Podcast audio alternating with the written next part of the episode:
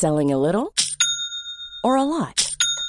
Shopify helps you do your thing however you cha-ching. Shopify is the global commerce platform that helps you sell at every stage of your business. From the launch your online shop stage to the first real life store stage, all the way to the did we just hit a million orders stage. Shopify is there to help you grow. Shopify helps you turn browsers into buyers with the internet's best converting checkout. 36% better on average compared to other leading commerce platforms because businesses that grow grow with Shopify. Get a $1 per month trial period at shopify.com/work. shopify.com/work. Ever catch yourself eating the same flavorless dinner three days in a row? Dreaming of something better? Well, HelloFresh is your guilt-free dream come true, baby. It's me, Kiki Palmer. Let's wake up those taste buds with hot, juicy pecan-crusted chicken or garlic butter shrimp scampi. Mm. Hello Fresh. Stop dreaming of all the delicious possibilities and dig in at HelloFresh.com. Let's get this dinner party started. There's never been a faster or easier way to start your weight loss journey than with PlushCare. PlushCare accepts most insurance plans and gives you online access to board-certified physicians who can prescribe FDA-approved weight loss medications like Wigovi and Zepbound for those who qualify. Take charge of your health and speak with a board-certified physician about a weight loss plan that's right for you. Get started today at plushcare.com slash weight loss. That's plushcare.com slash weight loss. plushcare.com slash weight loss.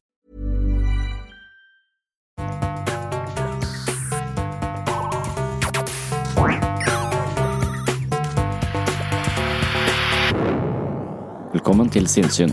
Jeg heter Sondre Risom Livre, jeg er psykolog, og dette er Webpsykologens podkast.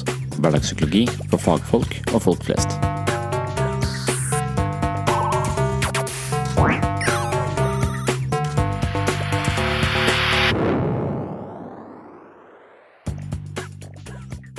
Nevroforskere har undersøkt forskjellen mellom mannlige og kvinnelige hjerner i lang tid og en del studier forsøker å finne et slags nevralt substrat som kan gjøre regnskap for distinksjonen mellom maskuline og feminine egenskaper.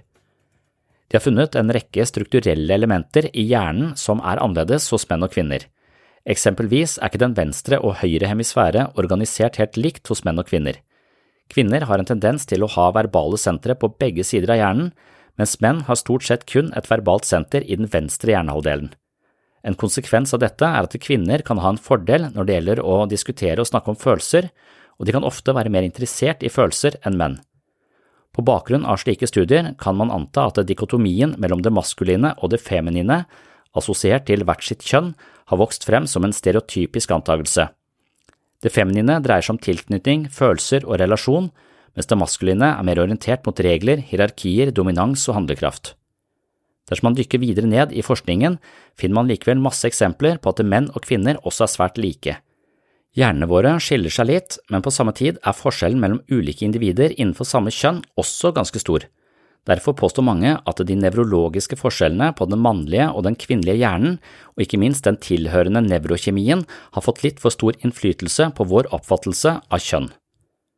En del av forskjellen mellom menn og kvinner er unektelig forankra i biologi, men en del av forskjellene kan også skyldes kulturelle føringer og fordommer.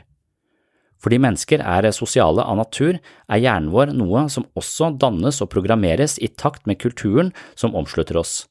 De kulturelle definisjonene av hvilke egenskaper som er passende for menn og kvinner, kan også være med på å påvirke personligheten og de egenskapene som henholdsvis gutter og jenter utvikler. Her er noen av de vanligste antakelsene om forskjellene mellom menn og kvinner.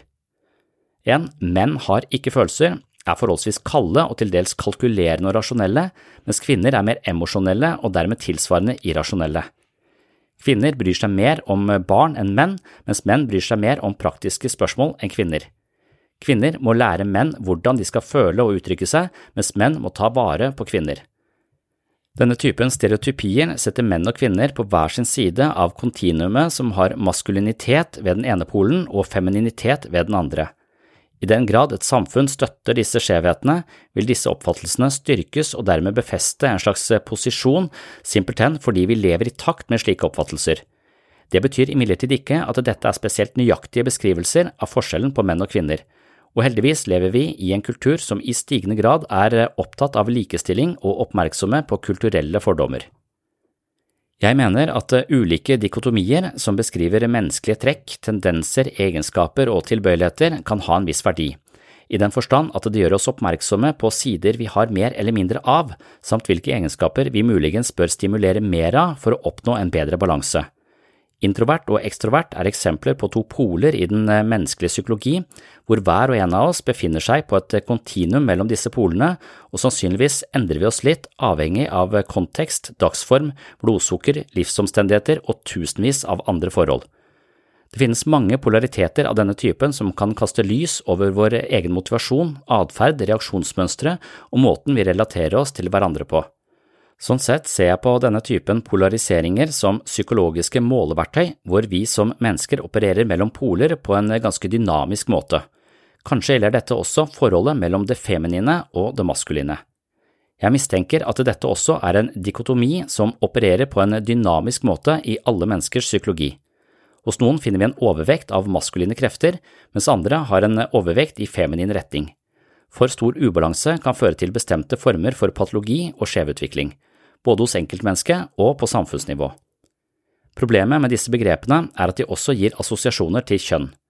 Det betyr at sjansen for å havne i en skuddveksling mellom de kjønnsliberale og de mer kjønnskonservative, hvis det er en betegnelse som kan brukes, er ganske stor. Og den typen skuddvekslinger er ofte mer utmattende enn lærerike, mer fiendtlige enn forsonende og mer stivnakka enn fleksible.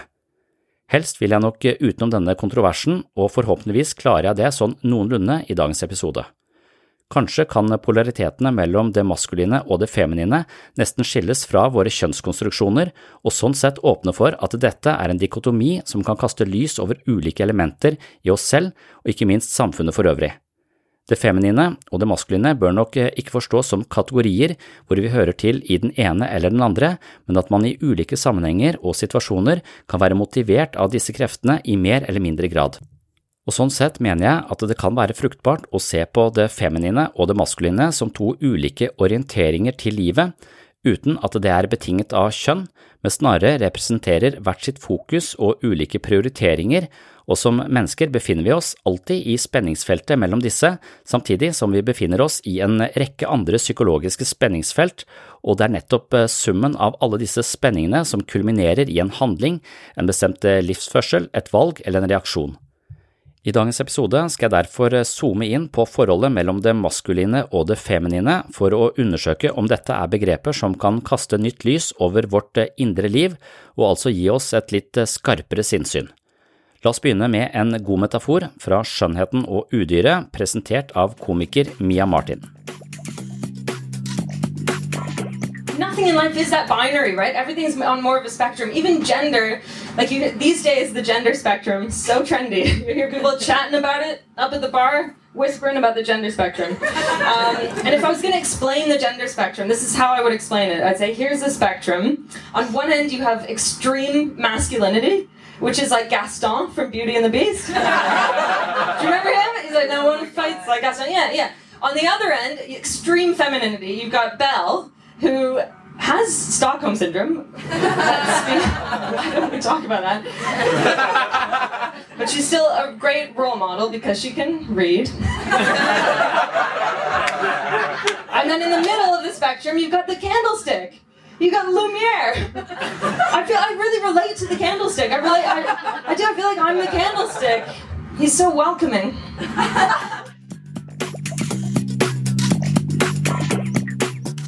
Eller det jeg har tenkt på i denne uka, er, er denne dikotomien mellom det maskuline og det feminine. Og så har jeg lyst til at man sånn sett hopper bukk over om det feminine det assosieres jo til det kvinnelige og det maskuline til det mannlige, men jeg vil heller bare se på det som krefter som bor i samfunnet, og som bor i det enkelte mennesket i mer eller mindre grad. Og så kan det være som Det kan kanskje Det vet jeg ikke, men det er mulig at, det, at en kombinasjon av det maskuline og det feminine igjen handler det om en slags balansegang, da, eh, som også reflekteres i verdiene våre og måten vi løser problemer på, måten vi forstår oss selv og verden på. Så at igjen så er det bare et sted hvor la oss si det ekstroverte og det introverte er eh, to sider hvor vi kanskje har tilbøyeligheter til å være mer introvert enn ekstrovert. Og hvis vi er det, så må vi prøve å finne en litt bedre balanse. Kanskje gjøre en litt ekstra innsats i det sosiale for å korrigere for en slags introvert tendens, fordi vi er mennesker og trenger andre folk, og vi trenger forbindelser. Så at vi er litt, eh, litt, der når det gjelder det maskuline og det feminine. For det er jo litt dette med forskjellen. Eh, den Brainsex-boka, så vidt jeg husker, handler jo om at hjernen til, til menn blir jo bada i eh, testosteron på et eller annet tidspunkt inn i magen, og så mens eh, den kvinnelige hjernen blir da liksom bada i østrogen eller noe sånt, sånn at det, det, gjør en eller annen sånn biologisk forskjell. Og så er det noen som mener at det er mest sånn kulturelle, sosialt betinga, at det er forskjell på menn og kvinner. Og det ligger jo mye i kulturen som også stadfester eller forsterker i hvert fall en sånn type forskjell, som man eh, kanskje eh, skal prøve å jobbe, eh, jobbe imot og ha et mer likestilt og egalitært samfunn. Da. Så det er, en viktig prosess, men, men det er liksom nesten sånn kontroversielt da, å si at det er forskjell på menn og kvinner. Hun, hun Rowling, hun der Harry Potter-dama, har jo akkurat havna i heisen pga. å si et eller annet som jeg ikke kunne forstå var så veldig kontroversielt. Jeg skjønte ikke helt at det var så uh, alvorlig det hun sa. Jeg prøvde å lese det som sto på hjemmesiden hennes også, jeg kunne ikke helt se hva man skulle blåse seg så veldig, uh, veldig opp for. Men, uh, men ut ifra det så, så, vil jeg bare tenke at la, la, oss si om, la oss se om det er mulig å se på oss selv eller på livet eller på måten de løser konflikter på ut ifra denne dikotomien mellom maskuline og feminine tilganger til et, til et problem. Og, og for, å, for, å, forstå den forskjellen, så, så hjelper det av og til å gå til eh, en som heter Carol Gilligan, som var en sånn feminist på 60-70-tallet, som skrev en bok, eh, In a Different Voice, som egentlig var et slags forsvar for eh, de feminine verdiene på en måte, men det er også en slags kartlegging av, eh, av forskjellen på de, de maskuline og de, og de feminine.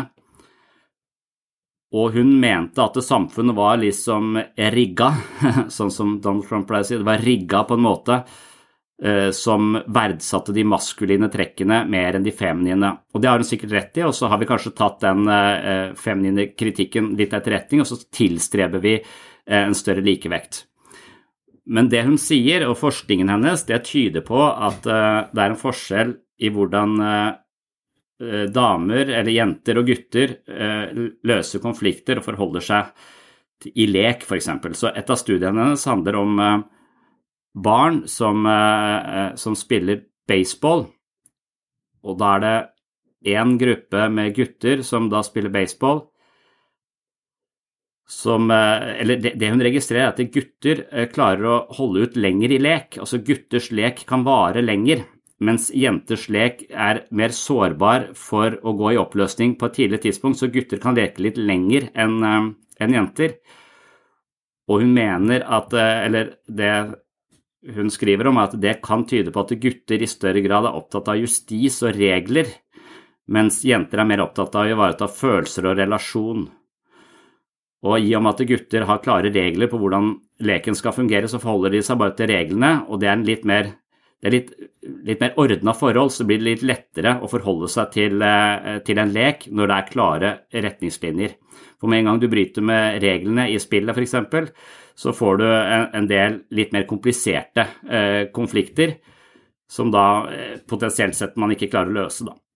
Så Eksempelet er dette med baseball. for I baseball så er det sånn at hvis du slår tre ganger, eh, eller hvis du bommer tre ganger, så er du ut. Det sier reglene i spillet. Og Hvis du ser på gutter spille baseball, og en gutt slår tre ganger og, og, og bommer alle gangene, så blir han kanskje lei seg og, og, trist. Men da, sier, da, står guttene stort sett bare og ser på og sier 'flytt deg', det er nestemann sin tur, du har bomma, du er ut. Uh, man kan uh, se en, en, liten forskjell hvis man ser på jenter i samme situasjon, for de har en tendens til å innvilge et ekstra slag hvis den som har bomma tre ganger, blir veldig lei seg så kan det være de sier ja, men du får et ekstra slag. Fordi de er mer opptatt av relasjonen enn en, eh, de er opptatt av eh, spillereglene. Og ut ifra det så kan man liksom si dette er ikke sikkert at det vil være sånn i dag, det kan hende, men, men la oss si at det er det, som, det vi mener da når vi sier maskuline og feminine krefter, at det feminine har en mer horisontal eh, orientering, altså en, en, mer relasjonell orientering, mens eh, det maskuline har en mer vertikal orientering. Mer opptatt av regler og orden, ikke så opptatt av relasjon og, og, og følelser. Og da får man en litt sånn uh, ulik uh, innfallsvinkel til å, til, til å, forstå ting. Og, og det, det, tror jeg kanskje uh, gir seg utslag mellom mennesker i parforhold. Altså hvis man lever i et forhold og du, du har en litt sånn stereotyp at den ene personen har litt mer maskuline krefter enn den andre, så vil man f.eks. ved en konflikt, så vil den ene parten finne løsninger på det problemet, mens den andre vil kanskje bare være opptatt av å snakke om problemet og, og relatere seg til hverandre, eh, selv om det å snakke om det ikke nødvendigvis løser eh, problemet. Så kan den mer maskuline parten ikke skjønne helt hvorfor vi skal snakke så mye om det, hvis ikke det å snakke om det løser eh, problemene. Så, så, da har du den der John Gray og menn er fra Mars og kvinner er fra Venus-problematikken, hvor, hvor, de forholder seg til problemer på ulike, ulike måter. Og så kan man også se at det, La oss si for eksempel, Jeg synes et godt eksempel på dette her er Nav-systemet. Det viser hvor, eh, at det er på en måte verdi på begge sider. altså Det er veldig mye verdi i en maskulin eh, orientering, og også veldig mye verdi i en feminin orientering, hvis vi kan kalle det det. For, for, Nav er et system eh, som, hvor man får dette dilemmaet mellom disse to orienteringene. Fordi du kan si at eh, for det første så er Nav-systemet et byråkrati. Og det er sånn typisk webriansk byråkrati, og Max Weber som på en måte utviklet den, den, ideen der, eller er kjent for det, det er en mann. Så det er en mann som kanskje har uh, utviklet dette byråkratiske systemet, eller denne ideen. Uh, og, mens det er stort sett bare kvinner som jobber i Nav. Eh, det er ikke det, men det er en overvekt av kvinner som, uh, som, som jobber i Nav. Så, det er av, så systemet er laget av en mann, men befolka av, av, kvinner. Og så er det noe med at et webriansk eh, byråkrati er laget for likhet for loven. Så det skal være mest mulig regler som er tydelige og klare. Så hver gang du møter et menneske som skal ha en eller annen stønad, så skal det være klare regler på hvorvidt et menneske skal få den stønaden eller ikke få den stønaden. Hvis du ikke tilfredsstiller de og de kriteriene, så får du det ikke. Gjør du det, så får du det. Eh, og det skal man forholde seg litt sånn slavisk til. fordelen med det er at alle får lik behandling. Det er det likt for alle, det er likhet for loven. Og det er en veldig maskulin orientering. Men man kan også forestille seg at her vil vi være tjent med en litt mer feminin orientering, sånn at vi kunne gjøre noen små tilpasninger for enkelte mennesker. Og hvis du får litt ekstra nå, så er det sikkert på at du kommer deg over denne bøygen, og så kommer du dit, og så klarer du deg videre. Så vi, vi innfører skjønn. Vi tenker at å, vi har en litt bedre vi får en god relasjon, eh, du føler deg trygg, du føler deg ivaretatt, du føler deg sett. For, jeg kan se deg, og jeg har muligheten da til å se deg på dine spesielle behov, og så skal jeg gjøre alt jeg kan for, for, å hjelpe deg ut ifra det. Det er mye mer sånn relasjonell orientering, og da får man kanskje et bedre resultat. Ulempen er at du får trynefaktor inn i ligninga. Så nå handler det om hvorvidt saksbehandleren din liker deg, eller har en god relasjon til deg, hvorvidt du får det du trenger eller ikke.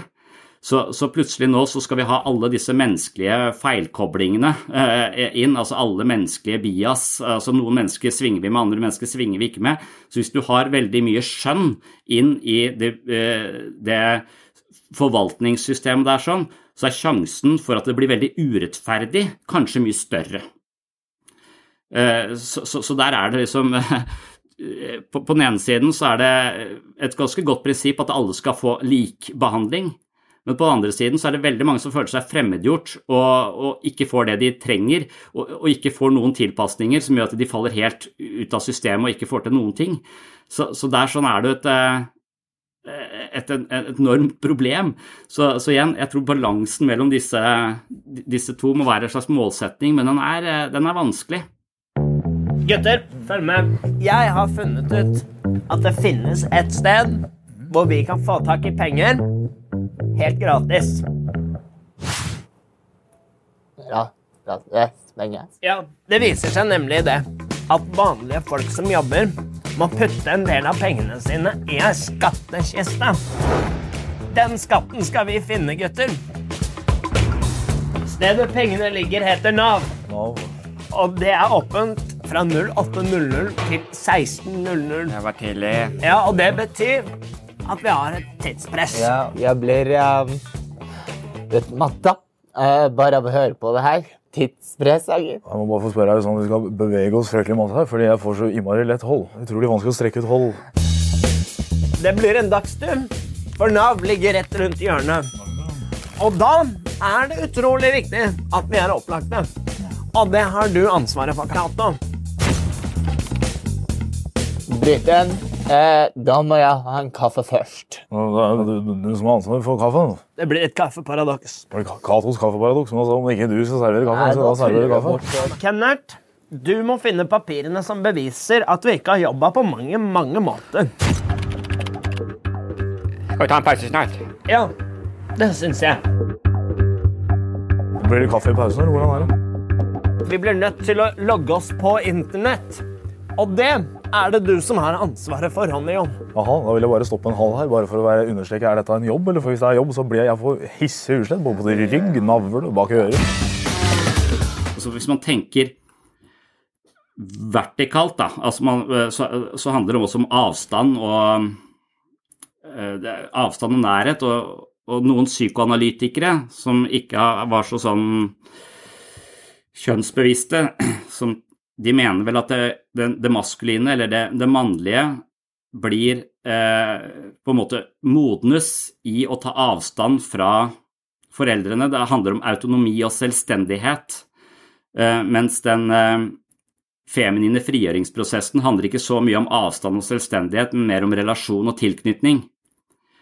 Så, eh, så i og med at man modnes eh, ved å knytte seg til, mens menn modnes ved å eh, løsrive seg.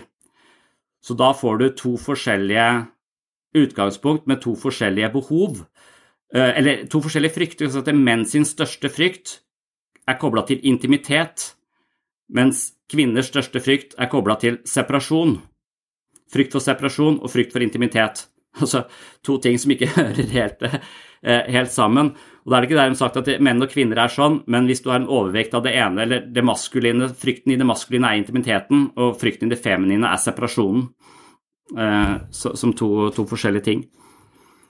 Så hørte jeg veldig mye på Ken Wilberg en periode, og han, han sa at uh, han, sa at skrevet en bok som heter 'Marriage of Sense and Soul', som handler om å kombinere disse kreftene uh, og prøve å balansere dem, fordi det er verdier på begge sider her. Men han, han legger merke til at f.eks. meditasjon, da, som han er veldig opptatt av i de østlige tradisjonene, veldig mange meditasjonsteknikker er også utviklet av menn. Og da er det menn som sitter helt stille og stirrer på en vegg. Eh, eh, og det er en veldig maskulin ting eh, å gjøre, sitte åtte timer og stirre i en vegg. Mens hvis kvinner hadde utvikla meditasjon, så kvinner er med på å ta på relasjon, på å være nær, så, så ville meditasjonsteknikkene sett annerledes ut enn en de gjør. Og det fins kvinner som har gjort det, så de, de ser litt annerledes, eh, eh, annerledes ut. Så, så, så det er en annen eh, vei inn i eh, Eller en annen orientering, også i forhold til det spirituelle. Og vi har jo nå en, eh, en eh, kvinnelig fysioterapeut som har kommet inn i treninga vår og hjulpet oss masse, så vi trener på en mye bedre måte. Men hadde det ikke vært for korona, så hadde vi blitt nødt til å ta på hverandre. Det er jeg ganske sikker på. For hun nevner hele tiden at vi skal liksom Ja, hadde det ikke vært, så kunne vi tatt, så kunne vi gjort sånn, skulle vi Og så jeg bare sånn Nei, jeg kan ikke ta Jeg har en intimgrense som er langt utenfor her sånn. Jeg, jeg ville være ukomfortabel med å nærme meg og være i kontakt med andre mennesker under trening. Jeg er også ukomfortabel med dans. Eh, Så jeg, jeg følte kanskje at det er akkurat dette, det, det feminine og det maskuline som møtes der, sånn hvor min største frykt blir utfordra i møte, og hadde det ikke vært for korona, så hadde jeg måttet møte den frykten. Men takk og pris for, for, for meteren foreløpig, og jeg er ikke helt klar.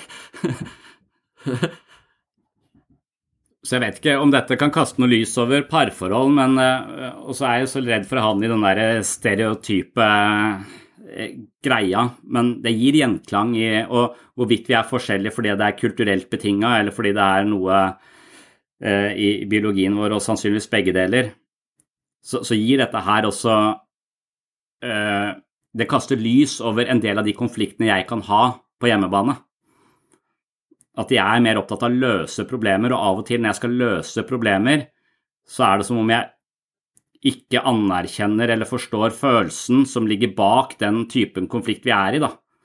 Så at jeg skal bare finne en løsning på det, og det er for, for, altså, Jeg vil kanskje se på det også i gruppeterapi. altså Hvis du har, får en overvekt av kvinner i gruppeterapi, så er det som om prosjektet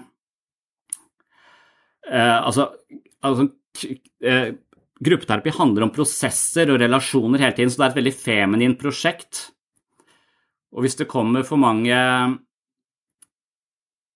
menn inn også Menn er ikke så opptatt av prosessen alltid. Det er som å si ja, men hva skal vi gjøre? Skal, altså, de får en slags sånn fortgang, litt mer sånn mekanisk forhold til det.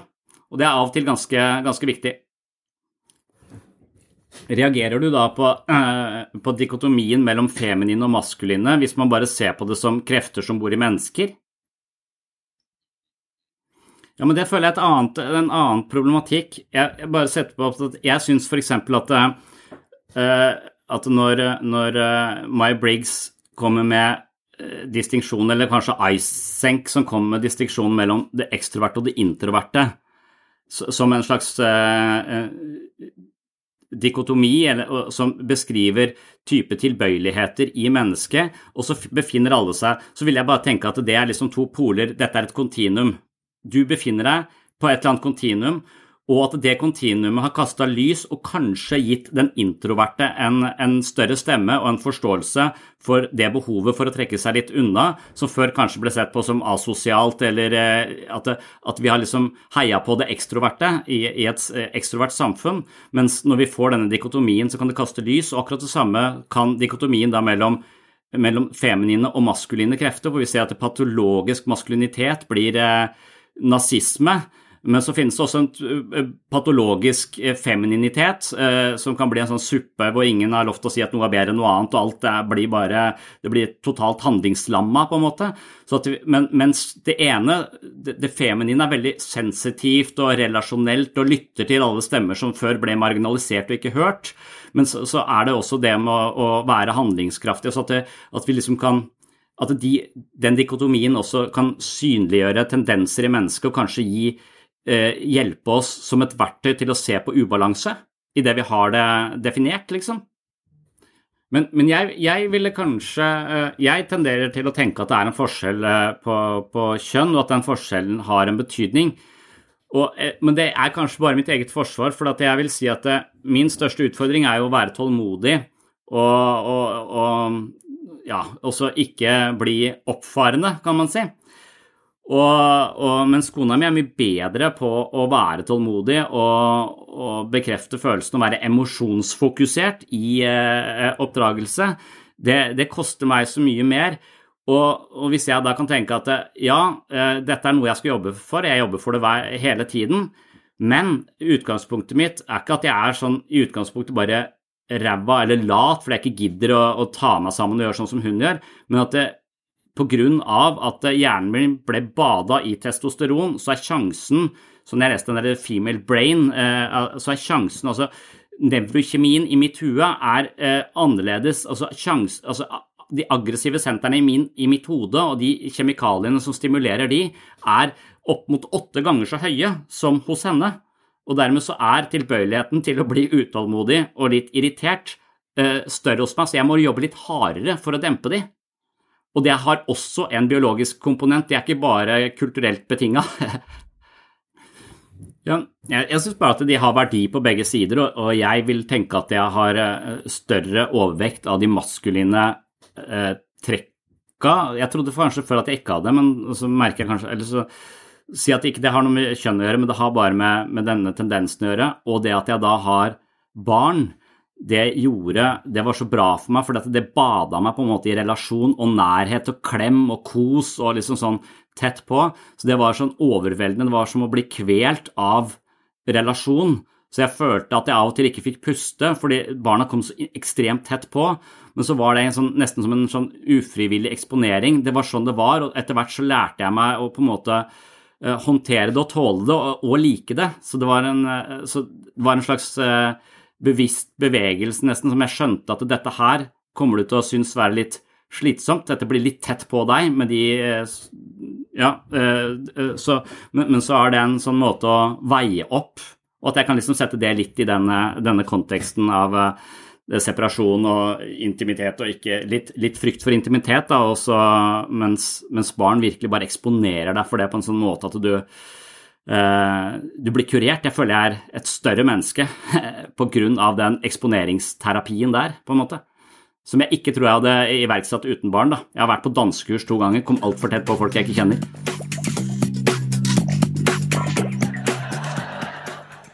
That's it for now. Oh man, it's rough. I uh, I've always been pretty rough around the edges and pretty butch, and I always thought it was just because I grew up doing extreme sports. Till recently, I was at the doctor, and um, they ran a bunch of blood tests, and uh, my doc came in and he was like. wow, gee, did you know you have abnormally high levels of testosterone for a woman? And I was like, well, all my life I've had the voice of a rugrat going through puberty, so I had an idea. But what does it mean, you know? And he was like, well, you don't have to do anything about it, but women who have higher levels of testosterone will tend to drink more. Nailed it. And, uh, and they'll tend to have higher sex drive. and that's when I was like, okay. I'm like the coolest dude ever? Is that what you're telling me? Let me get this straight, Doc. You're trying to tell me that this recent drunken streak of one night stands I had. It's just a condition? Yes! Men, men testosteronnivået hos menn synker også i samfunn som eh, praktiserer monogami. Og det vil også uh, gi seg utslag på voldsstatistikkene. Så, så, hvis du har et samfunn hvor, hvor det er potensialet for en mann til å ha flere koner, så vil han eh, vedkommende eventuelt kunne gifte seg og så bare fortsette å være på jakt, på en måte. Et, etter, etter, og, og, da ser man hele tiden at det, dette testosteronnivået det går, ikke, det går ikke like mye ned som hos menn som på en måte praktiserer monogami. da. Og, og, det er testosteron som også er den kjemiske nøkkelen som drifter en del vold. Så det er også en, en, sånn ting man kan se på ulike kulturer, avhengig av hvordan vi har valgt å organisere oss rent sånn samlivsmessig. A lot can happen in the next three years. Like a chatbot may be your new best friend. But what won't change? Needing health insurance. United Healthcare Tri Term Medical Plans are available for these changing times.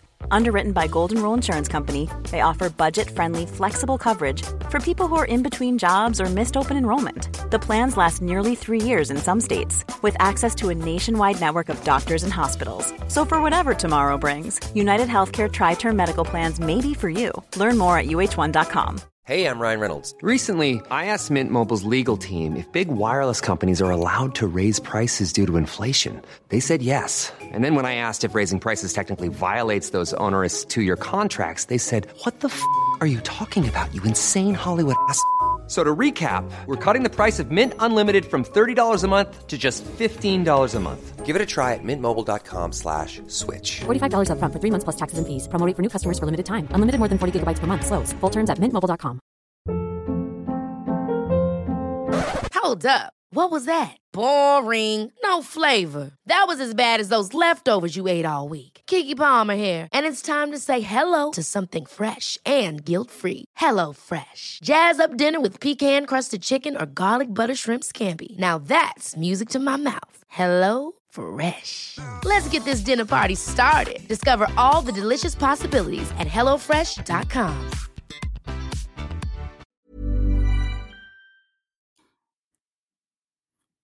I don't understand why guys over 40s take those fucking testosterone pills. It's like you're finally clearing your head. You know what I mean? You're finally getting out of the fucking bars. You're finally really realizing how much more sustained happiness you can get out of ordering a brand new drum kit and setting the fucking thing up than the fucking colossal waste of time that chasing pussy is. You know? You see that question? You're a guy over 40 try, was it Nugenics? They act like your testosterone dipping is a bad thing. It's a fucking great thing. The clouds are finally parting. Why would you want to take a bottle of that B18 Forever fucking juice? Jesus Christ, you want to go back into the sports bar, shorten up the, the, the fucking sporty slash whore themed waitresses, right? The original Spice Girls as they walk around with jerseys tied on. Who's winning the game? You want some wings? You want some buffalo wings? Is that slowly fucking killing you? Why would you want to take a fucking pill that's going to make you think that that's a good option? I'm going to go back into that. You know, then you got to start P90Xing. Hva er den moderne hookup-kulturen? Eller åssen Ja, tenker du? Ja. Jeg, jeg, jeg, det, det har vært en sånn tematikk flere ganger, for jeg hører folk sliter eh, med det eh, rundt forbi, at det er liksom veldig mye tilfeldige forhold, og, og man vil ikke binde seg.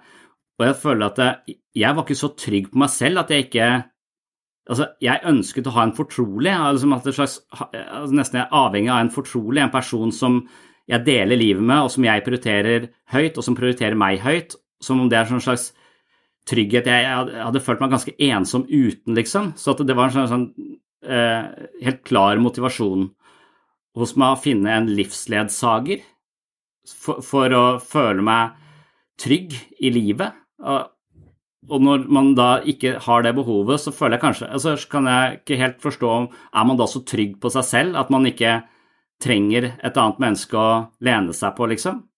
Eller eh, jeg, skjønner, jeg skjønner ikke helt den, den mentaliteten da i disse Det du kaller denne moderne eh, hook og Eller hva kalte du det? Hookup-kulturen, ja. Eh, så er det, veld, er det veldig trygge mennesker som er liksom så selvstendige at de ikke trenger andre, eller? For jeg har jo alltid tenkt at liksom vi, vi har to behov. Vi har den sosiale behovet, og så har vi det fortrolige behovet. At det er to sirkler. Den ene sirkelen er tett på oss. Der kan det kanskje bare være én annen person eller to andre personer. Kanskje en bror, kanskje en eh, foreldre, kanskje en partner. Altså en altså helt sånn intim sfære. De som kjenner deg ut og inn. Og så har du den sosiale sfæren, hvor du, hvor du er din sosiale variant av deg selv. Du kan ha gode relasjoner, men de er ikke, likevel ikke helt, helt innerst. Så vi har to sånne, og så føler jeg nesten at det noen øh, At en del Man kan nesten se på det å slite i livet. Ofte så er det mennesker som da enten ikke har noen i den sosiale sfæren, de har en type sosialangst som gjør at de mangler øh, den øh, følelsen av tilhørighet til et fellesskap og har venner, mens de har én person som de bor sammen med og som de forholder seg til hele tiden. Eller at de har masse venner, men ingen egentlig står de helt nær. altså De, de ikke, slår seg ikke til ro med én person eller en som kjenner de ut og inn. Så, så en eh, Så begge de to tingene altså Det virker som Jeg har alltid tenkt at man trenger eh, både den helt intime sirkelen og den sosiale sirkelen for å eh, for å ha det bra, da. Men det kan virke som om kanskje folk ikke Noen har jo problemer med å ha folk helt tett på, eller være fortrolig selv med den de bor sammen med. Da, men da har jeg en sånn fornemmelse at du kommer til å føle deg ensom blant mennesker, eller ensom i relasjonen. Jeg tror det er en feminin retning, faktisk. Jeg tror ikke det er en uh, maskulin uh, retning. Jeg lurer på om, om om man ville definere Det er en som heter Taylor, Rattari Taylor, en sosiolog, som definerte dette Han sa han, kjen, han har ulike kjennetegn på maskuline og feminine kulturer. Og, feminin, og, Norge vil være en ganske feminin kultur. De vil være ganske liberalistiske. De vil ha ganske sånn De vil være opptatt av likestilling, mens de mer maskuline kulturene vil være, opptatt, de vil være mer konservative. De vil være eh, mer hierarkisk organisert. De vil være mindre opptatt av likestilling mellom kjønn, f.eks. Eh, så, så man kan tenke på IS som en ekstrem maskulin kultur, hvor, hvor de vil eh, f.eks. se på De ville frykte homofili, det vil de ikke Mens en mer feminin vil være mer åpen for ulike Eh, samlivsformer og, og, mer progressiv på det området, mer liberale eh, kontra det mer konservative. Ja, absolutt. Så, så, hvis du føler at du vil være sammen med en av samme kjønn, så, så er det din følelse som, som blir eh, verdsatt og tatt hensyn til, og ikke reglene som står i en eller annen bok som noen har lest om at det er synd, f.eks. Så at vi går i en Ja. Jeg, baler med det jeg tror samfunnet baler med de to de, de, kreftene hele tiden. Og så ser vi Og og hvis man skal si hva, hva er eh, den, den, den veldig liberale, hvis vi kaller det nå den eh, horisontale eller feminine orienteringen, som er opptatt av relasjon, er opptatt av at alle har sine følelser og sine perspektiver, og de skal vi respektere, så vil de også ha en slags aversjon mot hierarkier. De vil ikke si at ett perspektiv er bedre enn et annet perspektiv, det er bare ulike perspektiver. Og det blir jo sånn super postmodernistisk, hvor det ikke er lov til å si at noe er mer rett enn noe annet. Og det blir også litt impotent på et eller annet tidspunkt.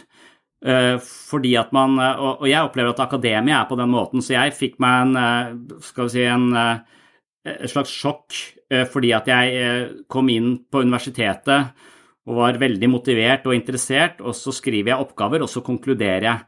Men idet jeg konkluderer, så får jeg, jeg får kjeft av veileder fordi vi har slutta å konkludere for lenge siden. En- Enhvert svar på en oppgave skal være på den ene siden, på den andre siden, på den tredje siden, på den fjerde siden, på den femte siden, så kan vi egentlig ikke si noe som helst, for alt er like verdifullt. Og da blir jeg sånn det, det blir et eh, vanskelig utgangspunkt for handling, for det å si at ja, men da dette, ut ifra det vi vet, så, så konkluderer vi sånn, og, og så gjør vi det. Og da, men idet vi da gjør noe, så diskriminerer vi noen stemmer, og det er liksom ikke lov. Eh, sånn at det, det blir Og jeg har påstått noen ganger at det, det finnes i f.eks. i ja, i sykehussystemet eller i akademia, altså en sånn holdning om at eh, alle stemmer skal bli hørt, alle stemmer er like mye verdt, og da varer møter altfor lenge. Bare, og møter blir ansett som vellykka hvis alle får lov til å si litt om hva de føler om en sak, men det, går, det kommer ingenting ut av de møtene. De blir bare skvaldring og pjatt, og så får vi ikke noe handlingsgrunnlag i det hele tatt, for ingen våger å handle, for det er å diskriminere noen stemmer, og det har vi ikke lov til. Så, så på et eller annet tidspunkt så, så blir vi parkert, da. Det blir en sånn slags intellektuell hengemyr hvor vi ikke kommer oss videre, fordi ingen våger å mene noe for det idet du mener noe. Og, og det, jeg elsker den holdningen, for at det, den er så inkluderende. Den vil høre på alle, den vil lytte til alle. Det er noe veldig sensitivt og fint med det. Men det er også, hvis, hvis de, alle de ledende intellektuelle er på det nivået, så vil de ikke tørre å uttale seg, for det å uttale seg vil være å måtte si noe på 350 tegn, f.eks., eller si noe i en spalte i en avis. at du får, ikke, du får ikke utbrodert så mye som du gjerne vil, derfor så holder du kjeft. Og når alle de som da har nyanserte perspektiver på ting, holder kjeft, så kommer Donald Trump, som ikke har noen nyanserte perspektiver, som er den strake motsetning, altså ekstrem maskulinitet, hierarki, diktatur, og, og, og bare slår inn, og så får han en voldsom stemme og plass. Fordi at, eh, fordi at den eh, mer sånn nyanserte eh, hengemyra ikke helt kommer til orde, eller helt ikke får starta å si noe. For de har så eh, De har et så sensitivt gemytt. Så det er liksom patologien der. Det er en slags stillstand da, hvis alt er helt likt og likeverdig. Altså det å være altså, livredd for eh, en type hierarki da, på alle mulige områder, det, det vil bli helt stillstand, ja. Så, så, man kan si, hva vil en god leder være? De vil være en som både inkluderer og hva skal man si, konkluderer eller transcenderer, altså sier at det, ut nå har jeg lyttet til alle dere, og ut ifra dette her så bestemmer jeg å gjøre det sånn. Så de også både kunne liksom legge føringer og bestemme, samtidig som man inkluderer så mange perspektiver som mulig. Så, så det er jo det er jo det er ikke noe lett, det. Er det det vi har kalt Mufasa, eller altså denne løvenes konge? Altså at løvenes konge lytter til alle som er på steppen. De, de ser eh, hyenene, de ser de små ungene, de hører på den der fuglen som flyr over og har en større oversikt, men også tar en avgjørelse. For, for idet i du tar en avgjørelse, så er det noen som ikke blir hørt, men det må du stå i. Så det å våge å være, ha bestemmelsesrett i eget liv Og da kan man si at hvis vi da bor i en kultur som gjør alt om til valg, så du må, alle livspolitiske beslutninger skal hvile på dine skuldre, til og med det å, å velge ja, ikke sant? Alt er, er oppe til vurdering og avgjørelser for deg sjøl, som du sier, til og med kjønn. Så, så, får vi Det er ganske krevende å skulle orientere i en sånn verden hvor det ikke er noen føringer fra før. Og det kom vel som en motreaksjon på for mange føringer. Det har vært for eh, stringent, det har vært for eh, lukka, og det har vært for eh, mange fordommer og, og, ideer som har undergravd mange mennesker. Og, og, dermed så har vi hatt en en, eh, en motstand mot det over eh, lang tid, og så går pendelen liksom hele tiden i balanse, akkurat som det er på All psykologi handler vel om balanse, liksom. Finne en god balanse. Så ja. Og da begynner jeg å tenke at laktoseintoleranse det er rett og slett noe folk utvikler pga. for mange valgmuligheter, så at de da slipper å, å, velge mellom 20 retter på menyen, så det her er bare tre. Så det er en slags eh, kulturelt påført sykdom, eh, en slags motreaksjon på alle valgene. Ja, det er interessant. Men er, jeg, jeg, tror kanskje vi er litt mer uvant med eh, potensielle fallgruver på den feminine sida, fordi at vi har vært vant til eh, det maskuline over så lang tid. Og det er liksom det vi kjenner best. Vi, vi vet hva patologisk maskulinitet er. Altså Jeg har jo disse VR-brillene, og jeg var i Mosul, Eh, og bare, bare se hvordan de har kasta homofile fra takene hvordan det ikke var lov til å danse, hvordan all musikk ble fjerna. Alt det som er kreativt, åpent, eh, det, blir liksom trampa ned. Det skal være orden og regler og styr, og det er ikke lov, det er ikke lov. Alt som på en måte lukter av noen form for uh, glede og, og, og, liberale verdier, blir bare tråkka på. Så, så, det er liksom jeg, jeg, tror vi vet hvordan det ser ut, hele, hele denne patriarkalske kristendommen og, og, og religionen også. Vi har, vi har, kjent det, og vi vet hvordan det ser ut, og vi vet hva patologien der er. Men, vi, men det fins kanskje også noe på andre siden da, som kan bli ei suppe og noe rør hvor vi ikke helt eh, Vi kan sette oss fast i et eller annet der òg, men jeg tror det er litt uklart for oss eh, akkurat hva det er. Bortsett fra at det er litt for lange personalmøter, liksom. Eh, hvor, hvor, hvor, møter varer så lenge at du får lyst til å skade deg sjøl. Eh, det, det, det, det, er det eneste symptomet jeg har sett. men, men, min, men min idé vil være at jeg ser kun positive ting på den feminine siden, noe vi mangler det at et næringsliv bare skal være fullt av psykopater som eh, har spisse albuer og, og, vinner over hverandre, snarere enn tufta på en type samarbeid og relasjon mellom folk, det ser jeg på som en enorm eh, vinning. Sånn de, de, relasjonelle kreftene de kan skape et mye mer harmonisk, eh, mindre konkurranseprega samfunn. Eh, så, så, jeg kan ikke se jeg, jeg, Det jeg mener, er at jeg ser ikke patologien på det feminine, jeg ser bare verdien av det. Jeg ser bare at det har en enorm verdi som en motvekt til det, det patriarkalske som, som, man er kjent med. Eh, hvor det, det, er bare menn som kan være prester, f.eks., og forvalte eh, det domenet der. Altså at det vi kan få andre verdier inn der, det ser jeg kun på som en berikelse. Derfor så, så mener jeg at jeg, jeg, kan ikke helt se hva som skal være galt med det. Eh, men jeg ville tippe at det finnes patologi på hver side av, eh, av denne dikotomien mellom det feminine og det maskuline. Ja, men du kan godt kalle noe annet, du må bare finne på et nytt navn. Det er, bare, det er, det er sånn jeg ville se det. altså at det, det vi ville assosiere eh, med, det, med, det, maskuline, vil kanskje være eh, ja, eh, kald rasjonalitet fremfor eh, sensitivitet for enkeltindividet og relasjon til enkeltindividet. Eh, og da kan du Hvis du er totalt rasjonell, så vil du løse trolley problems på den måten at ja, du står på en bro ved siden av en fyr. Hvis du dytter han fyren ned og dreper den fyren, så stopper du et tog som da sørger for at du ikke kjører på når folk lenger nede i, i veien, for du kan se fremtiden i dette tankeeksperimentet. Og Hvis du er totalt rasjonell, så dytter du han fyren som står ved siden av deg, ned på skinnene, så han dør, og så redder du fem andre mennesker lenger nede. Eh, men hvis du, hvis du gjør det, så er du sånn halvpsykopatisk, viser det seg også. Altså, det er ikke en det, det å aktivt gå inn for å drepe et annet menneske for å redde noen, det er en, eh, en type rasjonalitet som, eh, som er eh, som, som, ikke er veldig menneskelig. For den, det, det også, hvis du står på bro og prater med en, så, så, har du en relasjon til den personen. De personene du redder, de har du ikke noen relasjon til. Uh, på en måte, så, så, Det relasjonelle her vil være også de fleste, de fleste mennesker vil ikke gjøre noe, uh, vel vitende om at det dør noen der inne. og Det er, det er et mer sånn så å si feminint eh, perspektiv. Men du kan godt kalle det noe annet enn feminint og maskulint. Eh, men jeg vil tenke på det som to krefter som introvert-ekstrovert. Vi er jo også noen ganger ekstroverte og noen ganger introverte. altså En leder, for eksempel, bør jo eh, nettopp en moden leder vil jo integrere disse to kreftene i seg. Men så kan det være en tendens til at samfunnet har eh, heia fram de mer sånn eh,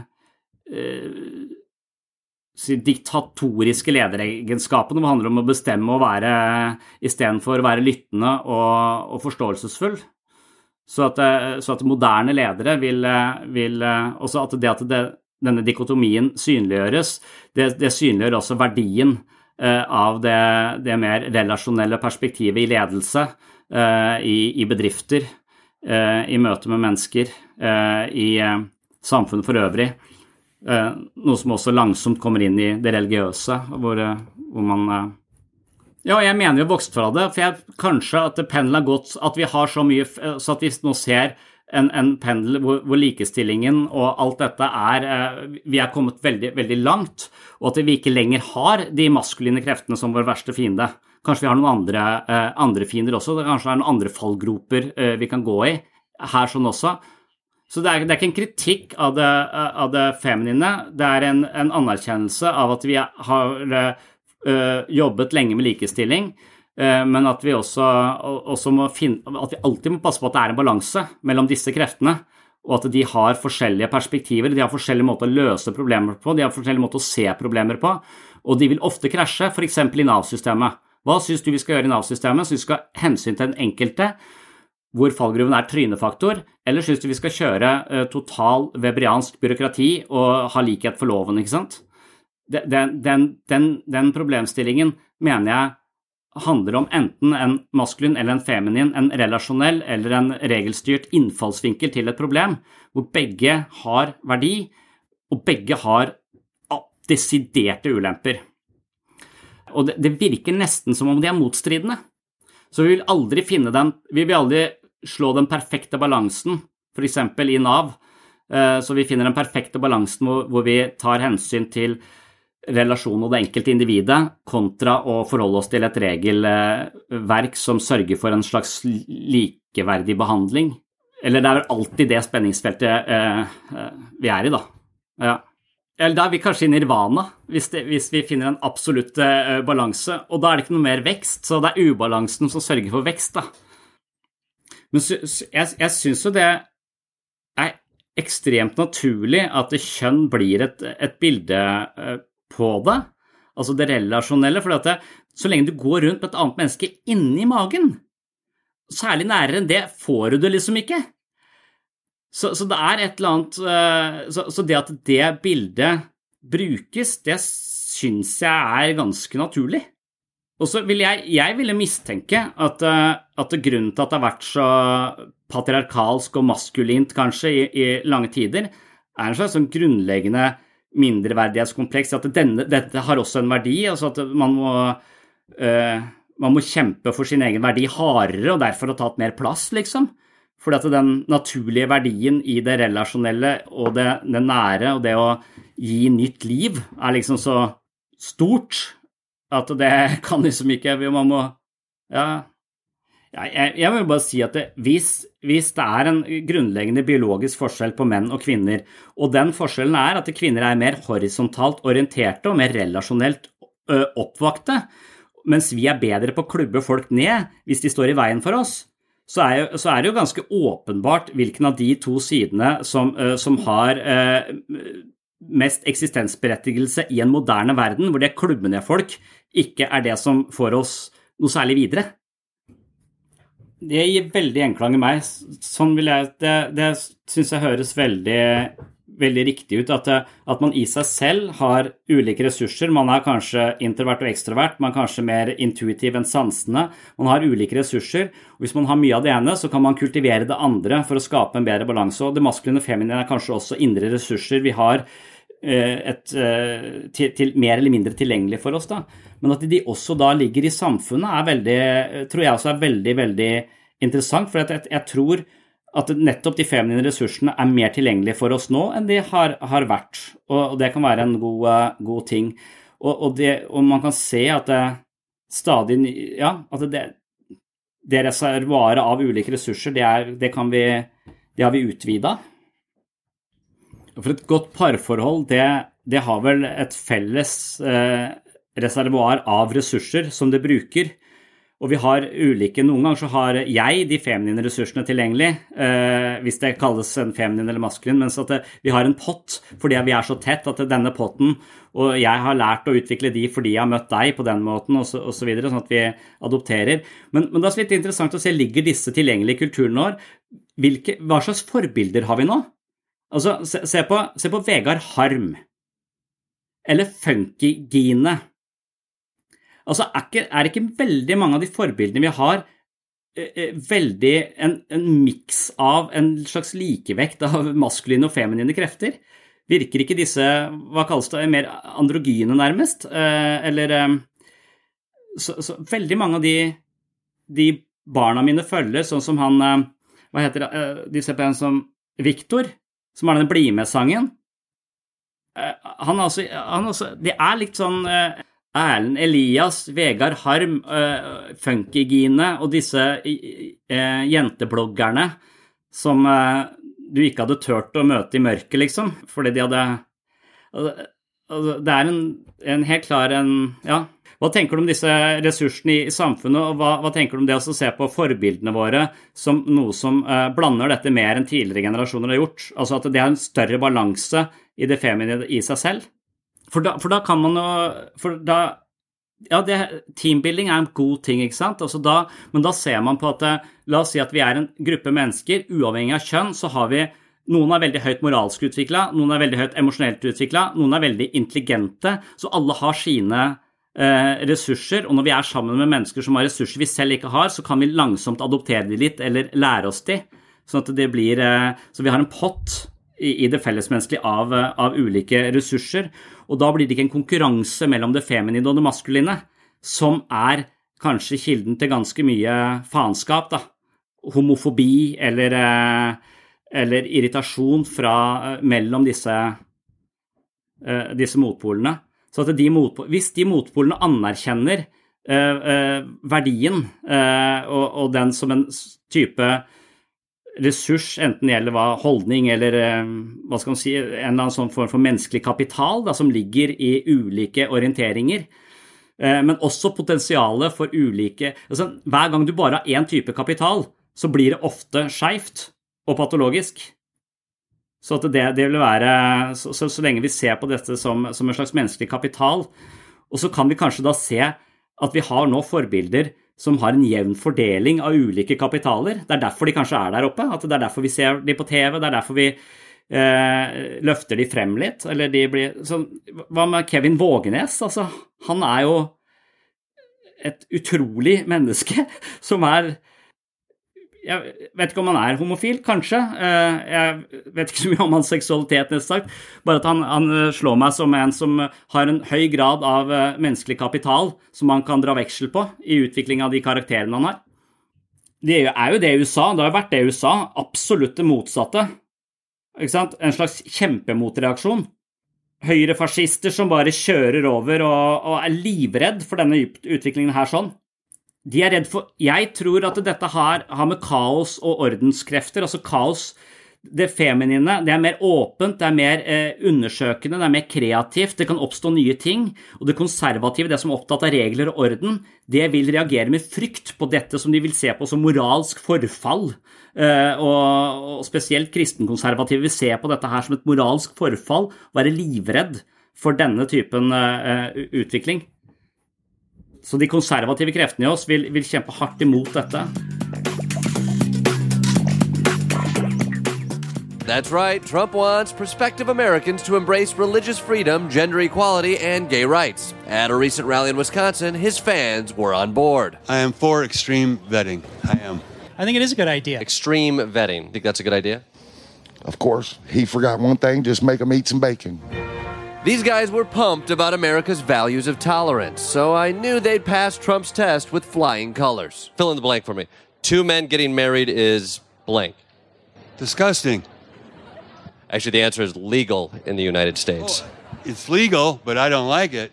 It's important uh, to believe in, you know, to have respect for everyone's religion. So you respect Christianity? I do. Judaism? Yes. Islam? No. Can a woman be president? The presidency is a man's job. I have women are qualified to be president. No. A female has more hormones. She could start a war in 10 seconds. Uh, If she has hot flashes, whatever, boom. Haven't all wars been started by men? Mm. Yes. Do you think a gay couple should have the same rights as a No, I don't. I really don't. I don't think it's fair. to the gay couple? Well, no, but the regular couple, they work so hard, you know, and the gay couple, they want more. Do you, when you say more, do you mean equal?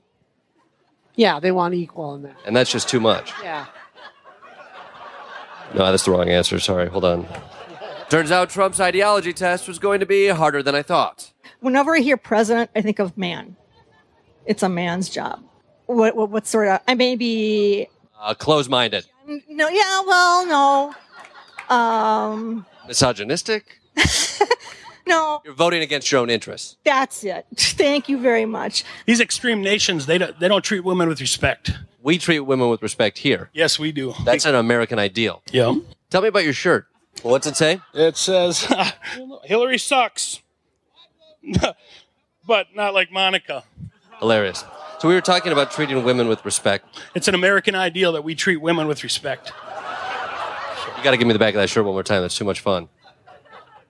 Trump that bitch. we don't even see the irony in it. I love it, right? As passionate as these guys were, they just weren't passing Trump's ideological test. Luckily, there was still time to study. jeg, jeg liker den ideen om at det, alt er på dette kontinuumet. For da, da føler jeg sånn som Litt tidlig da så føler jeg kanskje at jeg blir at, at jeg blir en representant for noe som er veldig rett frem og direkte og, og tåler følelser og sånn. Som, som kan være en god ting, men som også kan bli for mye, for det kan være veldig brå. Så da vil jeg jo anerkjenne det, så kan jeg justere det litt ned. Altså at man, at man kan ved å møte andre mennesker som er litt an, annet sted på kontinuum enn du selv er, så kan du liksom flytte deg litt ved å jeg, liker en sånn forbildeidé at du, ved å omgi meg med mennesker som er eksempel litt annerledes enn meg på ulike områder, så, så, så vil eh, muligheten min til å justere på det og akkurat den egenskapen eller den fasetten med det å være menneske, den blir litt mer tilgjengelig fordi jeg ser hvordan andre uttrykker det og er det og bærer det.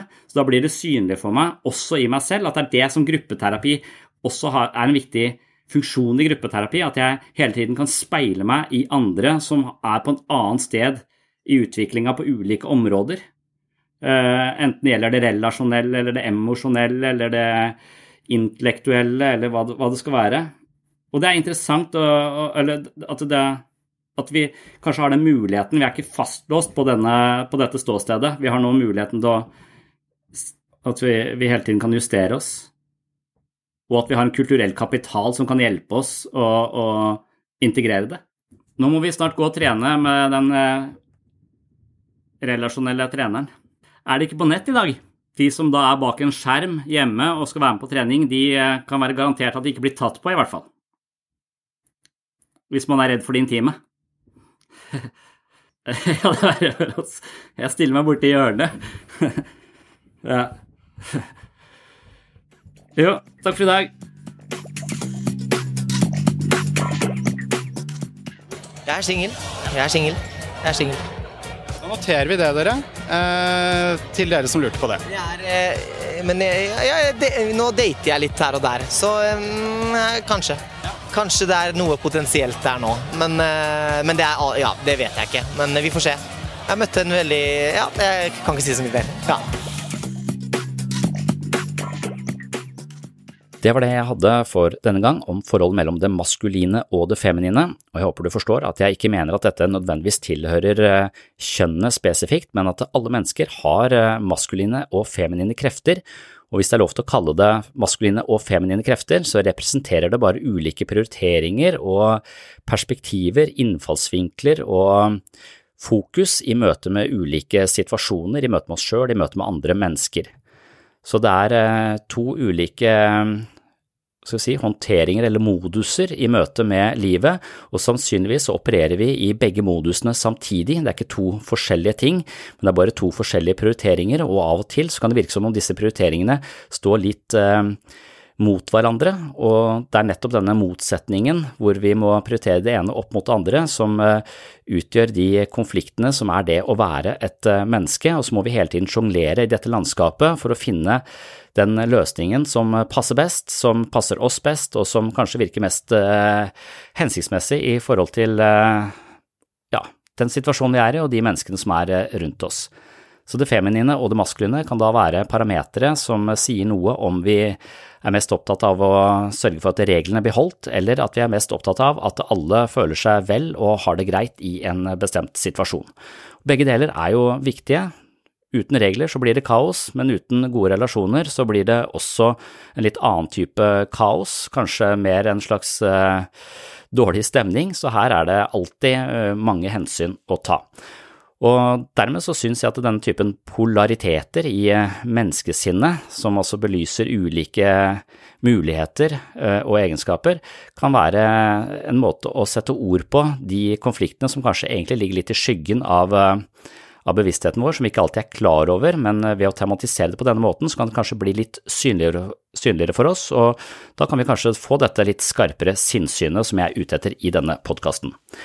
Takk for at du eh, hører på. Takk til alle dere som har rata podkasten. Og hvis du vil følge med på aktiviteten her, så er det via Instagram eller Facebook. Jeg er også på LinkedIn. Eh, som, eh, ja, det er de sosiale kanalene hvor jeg poster ulike små videoer, oppdateringer, sier fra når det kommer nye episoder, sier fra hvis det er noe arrangementer det er mulig å delta på osv., så, så følg meg gjerne på disse sosiale plattformene for å holde deg oppdatert. Ellers så er det mulig å støtte denne podkasten via patron.com for segs sinnssyn, og det maser jeg om hver eneste gang, så det tror jeg ikke jeg gidder å mase så mye om denne gangen. Husk at uh, patron.com for segs sinnssyn, det er for deg som er litt ekstra interessert i psykologi og har muligheten til å støtte dette prosjektet. Takk til alle dere som allerede støtter uh, sinnssyn via Patron, og til dere andre som ikke har muligheten til å støtte dette prosjektet, så er det helt i orden. Men uh, all form for uh, positiv oppmerksomhet og omtale i sosiale medier eller på iTunes osv., eller anbefalinger til venner og bekjente, det er også veldig uh, verdifullt for, for sinnssyn. Så tusen hjertelig takk for all den tilbakemeldingen jeg allerede har fått da, i ulike kanaler, og takk til dere som har tenkt til å rate meg i iTunes med mange stjerner. Det setter jeg utrolig stor pris på. Det var det for denne gang. Ny episode om kun få dager. På gjenhør!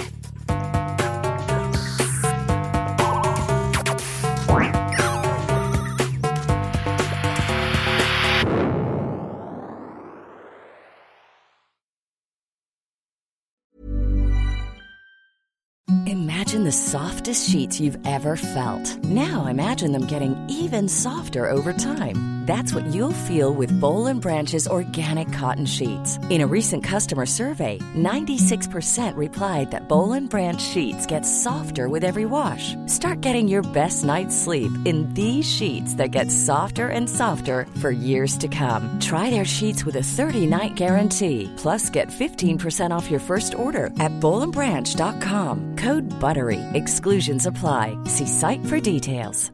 Hi, I'm Daniel, founder of Pretty Litter. Cats and cat owners deserve better than any old-fashioned litter. That's why I teamed up with scientists and veterinarians to create Pretty Litter.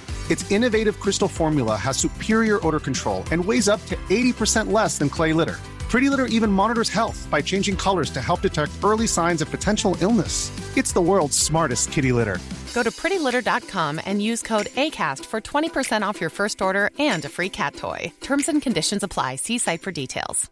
Mom deserves the best, and there's no better place to shop for Mother's Day than Whole Foods Market. They're your destination for unbeatable savings, from premium gifts to show-stopping flowers and irresistible desserts. Start by saving 33% with Prime on all body care and candles. Then get a 15-stem bunch of tulips for just $9.99 each with Prime. Round out Mom's menu with festive rosé, irresistible berry chantilly cake, and more special treats. Come celebrate Mother's Day at Whole Foods Market.